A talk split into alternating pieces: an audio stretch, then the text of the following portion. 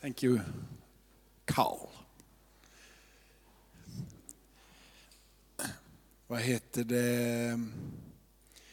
Det är ju en... Eh, det är någon form av utbyte i de här texterna. Alltså det, det å ena sidan i texten från Jesaja 61, för övrigt så är Jesaja 61 något som jag har predikat väldigt mycket av, så jag ska försöka inte säga någonting om Jesaja 61, för om du har varit här så har du hört mig säga mycket om Jesaja 61, så hoppa det.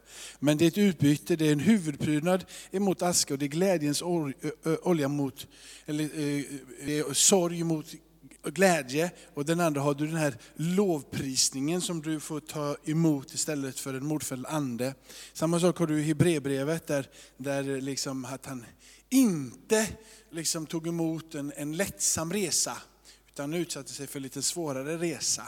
För att han, som det står, skådade eller såg eller satte riktningen mot den osynlige. Och det är lite fascinerande ehm, för att Mose eh, hade ännu inte haft en tydlig uppenbarelse om, men han hade någonstans på insidan en längtan att få vara med han som han ändå trodde fanns. Den guden som var Israels Gud. Innan han fick uppenbarelse så blickade han emot den osynlige. Markus kapitel 14 är dagens evangelietext. Och eh, låt oss, eller säger jag fel eller? Nej det är jag inte. Och, eh, det är nämligen så att vi har en parallell eh, sammanhang i Lukas kapitel 77 och där ska jag också vara lite. Men vi läser från kapitel 14, ner från vers 3 ner till vers ehm, 9. När Jesus var i Betania och låg till bords i Simon den spetälskes hus kom en kvinna som hade en alabasterflaska med en dyrbar äkta nardusolja. Hon bröt upp flaskan och hällde ut oljan över hans huvud. Några blev upprörda och sade, vad är detta för något slöseri med oljan? Den hade man kunnat sälja för mer än 300 dinarer och ge åt de fattiga. Och det grälade på henne. Men Jesus sade, låt henne vara. Varför oroar ni henne? Hon har gjort en god gärning mot mig. Och så säger Jesus någonting oerhört märkligt. Han säger, de fattiga har ni alltid hos mig. Och när ni än vill kan ni göra någonting gott mot dem. Men mig har ni inte alltid. Hon har fullgjort sin uppgift. I förväg har hon smort min kropp till begravningen. Amen, amen säger jag er. Överallt i världen där evangeliet predikas ska man också berätta vad hon har gjort och komma ihåg henne. Så lyder det heliga evangeliet. Var är du Kristus? Vi har en hög bekännelse i de här lovsångerna som vi sjöng. På på något sätt att våran Gud, det kanske ser ut som vi är omringade av väldigt mycket problem. Men ytterst sett så är vi omringade av han som har hela universum i sin hand. En hög bekännelse om att han är med, vi har stått där, det är han som går på vatten, det är han som är med mig i elden, det är han som tar mig igenom. Och det är oerhörda höga bekännelser. Och ibland så kan man ju komma liksom eh, långt bort ifrån i sina känslor som kristen och glömma bort. Till exempel så har du en berättelse som finns i, eh, i första Konungaboken kapitel 19. En mäktig berättelse om en eh, profet som heter Elia som utför en kamp med, mot Baals profeter, 400 stycken. Så står han där själv. Och det som är det fascinerande i den här berättelsen är att den här frimodige profeten som vet vem hans Gud är och har sett Guds väldiga gärningar står där så kraftfull och strider mot Isabel, drottningen och hennes inflytande och Baal och alla dess profeter. Och han är kaxig och han hånar dem i den här fighten som är mellan vem är den största guden. Och det visar sig att Gud Jehova, Israels Gud, är den som låter elden falla ner från himmelen. Och han bevisar sig stor. Men direkt därefter så springer han därifrån och han är rädd och han är ynklig och han är svag. En oerhörd kontrast, denna frimodiga profet står där med skakande ben rädd och drar sig undan och vet inte vad han ska ta vägen. Jag tror att ibland så får vi kristna för oss att vi inte får vara svaga. Eh, men det är ju inte sant. Vi får vara hur som helst. Gud lovar att han är med oss ändå. Jag skulle till och med vilja säga trots allt är han med oss. Skriften säger inte att vi kommer att bli befriade från det, men han säger i skriften, våran fader i himmelen, genom både profeterna och genom sin egen son som han sände till oss och genom otaliga andra författare från skrifterna, att han ska komma med sitt beskydd och med sin frälsning. Att han är en är nådefull och rättfärdig Gud som hela tiden sträcker ut sin hand för att möta, och möta med oss. Han säger i skriften om och om igen att trots att du är sargad kanske och trött och svag, så vill han påminna dig om att det finns ett hopp. Och det är det hoppet som vi sjunger ut i de här sångerna, trots att det ibland inte ser så lätt ut. Så sjunger du ut ett hopp i de här. Varför sjunger vi ut ett hopp när det ser så svagt och jobbigt och ledsamt ut? Och man kan tycka att det nästan blir glattigt och överfriskande ett hopp.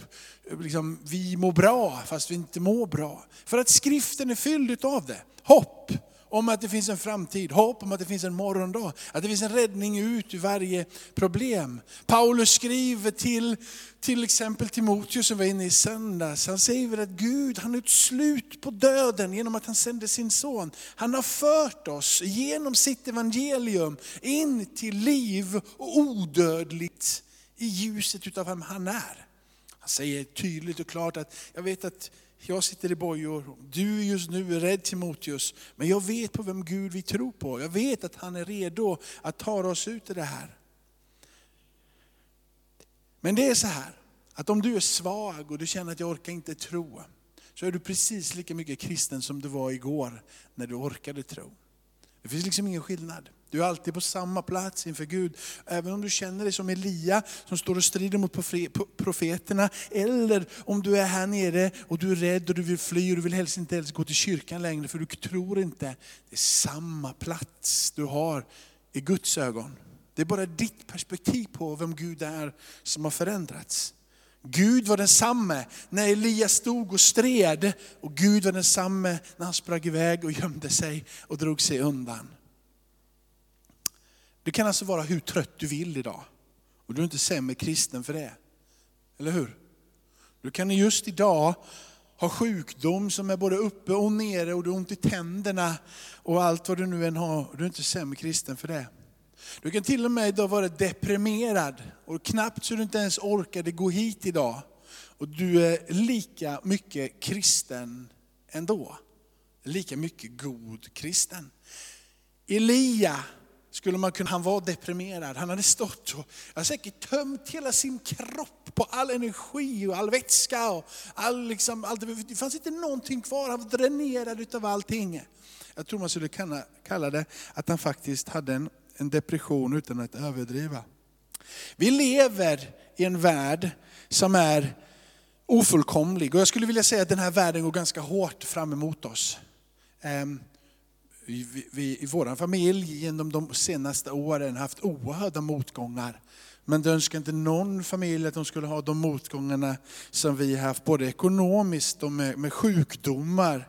Livet kan gå hårt, det kan hända när som helst. Sorg, bedrövelse kan hända när som helst. Vi är inte immun emot det. Det kan ske på ett ögonblick så förändras tillvaron fullständigt. Våran värld är fylld av olyckor och katastrofer. Och för en månad sedan så var det inte någon, eller i alla fall två månader sedan, så var det inte någon som pratade om coronaviruset. Och löpsedlarna är bara fyllda med det. Vi, börsen har gått hur starkt så nu försvinner börsen och det är, arbete, och det är krispaket överallt för att hela ekonomin, vi vet inte var det tar vägen. Det blir en oerhörd effekt av bara en influensa egentligen och vi borde ta det på största allvar tvätta våra händer och sprit. Vi ska sätta ut sprit, här spritgrejer här ute så man kommer hit. Vi vet inte hur länge man får ha stora mötesplatser i Sverige heller, men vad som än händer så är Gud densamme. Han förändras inte. Det är vårt perspektiv som förändras. Våra rädslor går upp och går ner. Men det är ingenting konstigt från Guds perspektiv. Gud har sagt det till exempel genom predikaren, den här boken. Vet ni, nu har Saltaren, den vet de flesta var den finns. Efter Saltaren där så har du Predikaren. Predikaren är en märklig bok. För den, den, I vissa ställen är det så här att allt är förgängligt. Det är liksom, ingenting, är, ingenting är bra ungefär. Utan, och tiden kommer, tiden går och människor lever och människor dör och sen är det slut. Det är liksom kontentan av det här är egentligen bara att förgänglighet, förgänglighet och återförgänglighet. förgänglighet. rikedomar och sen så faller det till marken och så finns det inte längre. Det är som att Gud är fullständigt medveten om våra livssituationer och det liv vi lever och förmedlar det genom sina författare. Tänk på vad som verkligen betyder någonting. Du föds naken, står det, in i livet och du dör naken. Och all den rikedom som du har märt dig in eller förvärvat under det, ingenting kan du ta med dig till den platsen du är på väg. Det är som om att det som vi har framför oss är värt att leva och han vill ge oss kraften till det. Men det är bara för en stund. Svikelserna som kommer när, när, när vi har fått ja, men allt ifrån ekonomi som har, som, har, som har drabbat oss hårt liksom, och vi är inte alls samma som vi haft innan. Och Helena som var sjuk så hon inte ens kunde liksom, ta ut diskmaskinen och kunde inte köra barnvagnen. Och, liksom, det var bara, hon, när hon satte sig på en träningscykel för att göra sina tester så kom hon inte runt på den enklaste nivån för det gjorde så liksom, ont i kroppen. Så att alla de här sakerna som, som jag står och säger att jag tror på en Gud som är med, det gör jag för att jag har sett att Gud är med. Jag har till och med haft människor som vi har bett för som har dött, trots att vi har bett för dem. Men Gud är med, upplever det, känner det. Min tro har inte blivit svagare, den har blivit starkare. För att jag vet att Guds ögon, vare sig jag är stark eller svag, så är jag i Guds eviga famn. Han bär mig igenom alla livssituationer. Genom besvikelse så är han där. När mina förhoppningar sviker och ingenting händer, han är där oro för mina barn. Jag har ett av mina barn som haft det, nu går det här ut, hoppas inte att de sitter och lyssnar, men har haft det jätte, inte varit mobbad överhuvudtaget, men aldrig riktigt hittat connection med, med, med, med vänner och har egentligen aldrig riktigt haft en riktigt nära vän. Men det är liksom inte så att jag är orolig för henne. Hon är i Guds eviga hand. Gud tar hand om henne. Gud bryr sig om henne. Om hon har haft hundratusen kompisar, eller om hon bara haft en kompis eller ingen kompis, så är Gud med henne och Gud bär henne. Och det vet jag, för att jag har upplevt det, jag har sett det och jag ser det i hennes ögon när jag pratar med henne. Man kan få drabbas av att vara en oförståelse i omgivningen. Ingen som förstår mig, jag är missanpassad. Vad jag än säger så kommer det ut fel i min mun. Liksom. Och jag försöker kämpa med att säga de rätta sakerna, men vad jag än säger så misstolkas det och det blir helt fel. Och du som går i kyrkan och du säger att Gud är god, titta på vad som har hänt mig. Det finns mycket som skulle kunna dränera oss på allting i livet. Jesus säger så här, han säger i bergspredikaren som får vara hans stora manifest till oss, liksom. hans stora tal, hans genomgripande tal, det som ska vara med dig och mig dygnet runt i vår vandring tillsammans med honom. Så säger han att vi inte ska göra oss några bekymmer för morgondagen, för det kommer ändå, bekymren. Han lovar oss inte att de inte ska finnas där. Han säger att de kommer, men han säger gör er inga bekymmer. Ni kommer inte slippa undan bekymmer. Elia har fightats emot Baal och han går därifrån. Och kampen och livslusten har nu dragit sig ur han helt och hållet. Han blir bekymrad. Jag skulle vilja säga att han, han är osäker, till och med på vem Gud är. Han har sett en sån fight. Och han har fått se Gud göra så stort. Trots det så säger han, tror jag, jag är osäker på det Gud. Jag förstår inte det här. Jag är lite rädd. Och då när han drar sig undan och då han inte orkar säga, Gud du är med mig. Så sätter han sig under en buske och där så börjar han klaga på Gud. Han är så trött i själ och i sinne, så han har inte lusten att prisa Gud. Men där så säger han ord till Gud. Det suckar. Han säger till och med, varför ska jag leva? Vad är det för någon mening med det här? Ta mitt liv Gud. Jag står inte ut längre. Vad är det för någon mening? Vad är livet? Och vad har det för någon mening? Han faller ihop där. Så står det att han sover. Jag tror att han sover oroligt. Han sover ingen djup sömn. Det står att ängeln kommer och knackar på honom och det är inte så att han är klarvaken då. Men jag tror att det är så när man sover en sömn, när man har en depression eller man har en oro, man har en ängslighet. Så sover man, men man sover inte djupt, man sover ängsligt. Man sover inte så man blir pigg, utan du sover och är det någon som knackar på dig, kom nu går vi ut. Så ligger du där halvslumrande och säger, jag orkar inte, jag vill inte, jag har ingen lust. Jag kämpar inte med det här idag, jag vill inte mer, jag är bara trött. Det är inte så att han sover en djup sömn, så att ängeln stöter i honom. Han har bara tappat lusten att leva, lusten att kämpa, lusten att ta sig vidare. Men Gud hör hans bönesuck. Inga välformulerade ord, Gud ta mitt liv, jag vill inte leva längre. Men de suckens ord, de orden hör Gud, de träffar hans hjärta. Jag vill påminna dig om att när vi ber här idag så hör Gud varje bön. Vi ropar inte ut i tomma intet. Det är inte så att vi inte, våra ord inte hörs, utan våra ord tas emot in i hans hjärta, rakt ifrån ditt hjärta. Elia är så illa skulle jag vilja säga, så att om du har gått igenom en depression, skulle jag vilja säga att Elia är precis på samma ställe som dig. Om du är så trött på tro så är Elia på samma ställe som dig. Ingen vilja finns kvar i hans kropp överhuvudtaget. Elia är där den stora gudsmannen. Kanske var du den stora gudsmannen en gång och inte vågar tro överhuvudtaget längre. Kanske är det så. Elia har varit precis där du är. Ängeln går fram, puttar i honom. Stig upp. Det är inte så att han bara stiger upp och börjar käka.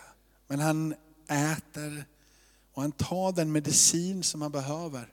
Men kroppen är så illa, kroppen är så trött. Så det räcker inte med att bara äta och flyga upp. Men det är så här, Gud i sin nåd, han kommer igen och han kommer igen och han kommer igen. I den här berättelsen så kommer ängeln två gånger.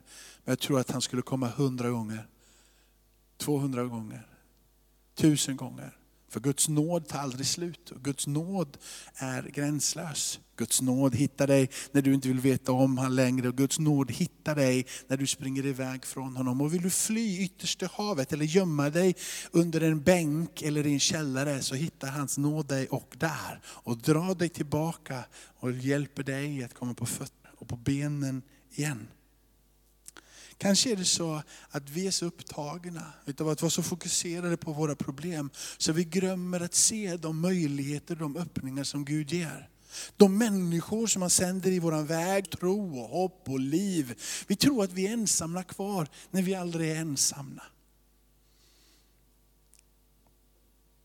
Jag vet inte hur många gånger som jag tror att Gud har sänt hjälp till mig, men jag har inte sett hjälpen.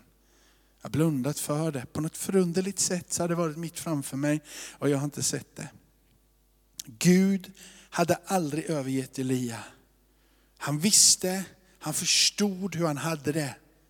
Och för att tala om för oss att vi ska förstå att han förstår, så sände han sin son för att hans son skulle gå igenom allting bli prövad i alla sinnena, bli prövad i allt.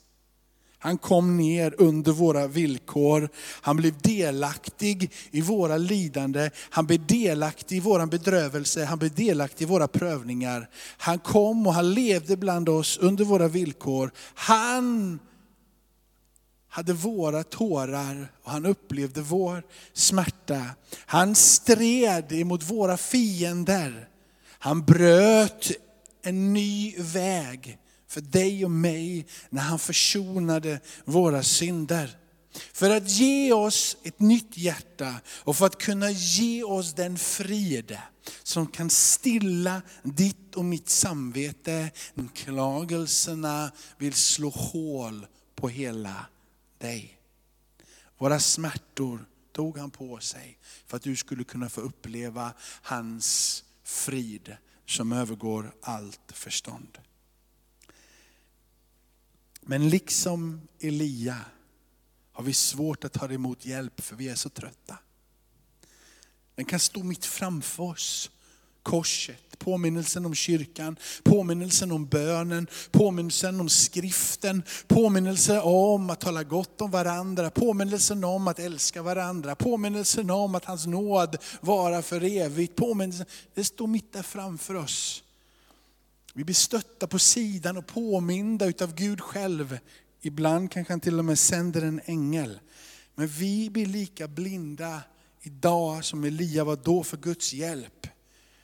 Vi orkar kanske bara sända ut en suck. Men frågan är om vi orkar vänta på svaret. Och frågan är om vi förväntar oss att våra suckar har en mottagare. Vi ser inte att Gud hela tiden hör våra böner. Och vi glömmer av att han hela tiden ständigt vill öppna nya vägar och göra möjligheten för oss att igen få se vem man är. Jag tror att vi stirrar oss blind så rakt ner. Och så ser vi bara problemen när Gud egentligen vill räta på vår syn och låta oss få se de lösningar som bara han kan ge. Vi ser inte att Gud har hört bönen och att han vill göra sina under. Precis som för Elia som fick tillbaka kraften och kunde springa eller gick gå i 40 dagar och 40 nätter. Och få igen stå i framför kungar och deklarera vem Gud är. Han fick tillbaka kraften. Han har dukat en plats och det finns många rastplatser i livet. Du vet om du ska åka till, vi har varit i Kroatien någon gång och kört bil. Du orkar inte köra hela vägen utan du måste ta en rastplats eh, liksom, och stanna av och, och sådär. Och Gud gör det så många gånger i våra liv. Vi behöver inte springa rakt igenom livet utan att rasta, utan att pausa. Han planerar dem och han varsamt låter oss få komma dit om du bara vågar öppna blicken och se att han är med, att han står där och väntar på dig. Han säger kom och ät, kom och ät och drick av mig. Kom och ät och drick av mig. Den som äter av mig ska leva om han än dör. Kom och drick av mig och han ska aldrig någonsin bli törstig igen. Han har ett vatten som gör att du blir en ständig av liv för du dricker utav vem han är. Han säger till dig och mig idag precis vad han sa till Elia genom ängen. Ja, jag ger dig Jesus, för att Jesus ska vara vid din sida. Allting har du fått igenom honom. Han vinner för dig en evig seger. Han är prövad och testad i allt. Han vet när du sörjer. Han är den som ger dig hopp när du inte har något hopp. Han är den som är med dig, står det i psalm 23. Även om du vandrar i dödsskuggans dal så är jag med dig. Du behöver inte frukta något ont, jag är vid din sida. Han säger, jag är din käpp och din stav. Helt enkelt en trygghet genom hela livet. Han till och med säger att han bereder för dig ett bod i dina ovänners åsyn. Han är där mitt i din depression, mitt i din förtvivlan, mitt i din besvikelse, mitt på den platsen när folk inte förstår vad det är du säger och du känner dig bara allmänt missanpassad. Han är där och han vill ta dig igenom. Du är inte sämre kristen om du känner dig trött idag. Om du känner dig uppgiven så är du inte mindre frälst. Vi kan alla drabbas av sorg och bekymmer. Vi är inte förkastade om vi är deprimerade och slutkörda. Men kanske det någonsin då borde du börja be och ropa till den guden som har kraft och makt att förändra din situation. Han som vill ge dig tröst, han som vill ge dig hjälp. Kanske om du är här och du har kraft, så kanske du idag skulle våga be en ännu mer friborgare bön. Så att den dagen som frestaren möter dig, den dagen du står, som Bibeln säger, på den onda dagen, att du då står pall emot det som kommer.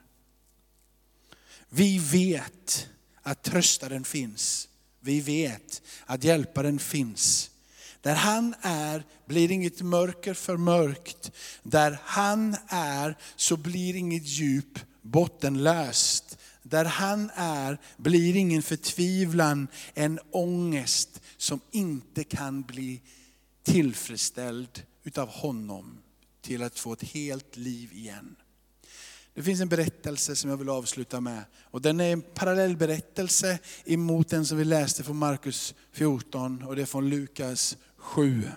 Där är det en kvinna som eh, också bryter en alabasterflaska. Det som, det som har med alabasterflaska är, det är ju att det är, en, det är alltså en, en kork som inte går att sätta på igen om jag ska förklara flaskan. Alltså, flaskan är tillsluten, så tar du av, tar du, öppnar du en alabasterflaska så går det inte att sätta på kork igen. Meningen är att den, det blir bara det ett, det blir ett, ett och samma stycke. Och det är för att bevara någon form av arom och lukt och allting vad det är. De där, jag har dåligt påläst, men jag har läst på det någon gång, men jag har glömt egentligen vad det är för någonting. Men men i vilket fall som helst, det är en dyr flaska. Jag tror till och med läste på den var, hur dyr den var. Det var. Jag vet inte om det var en årslön eller någonting som det skulle vara för den här.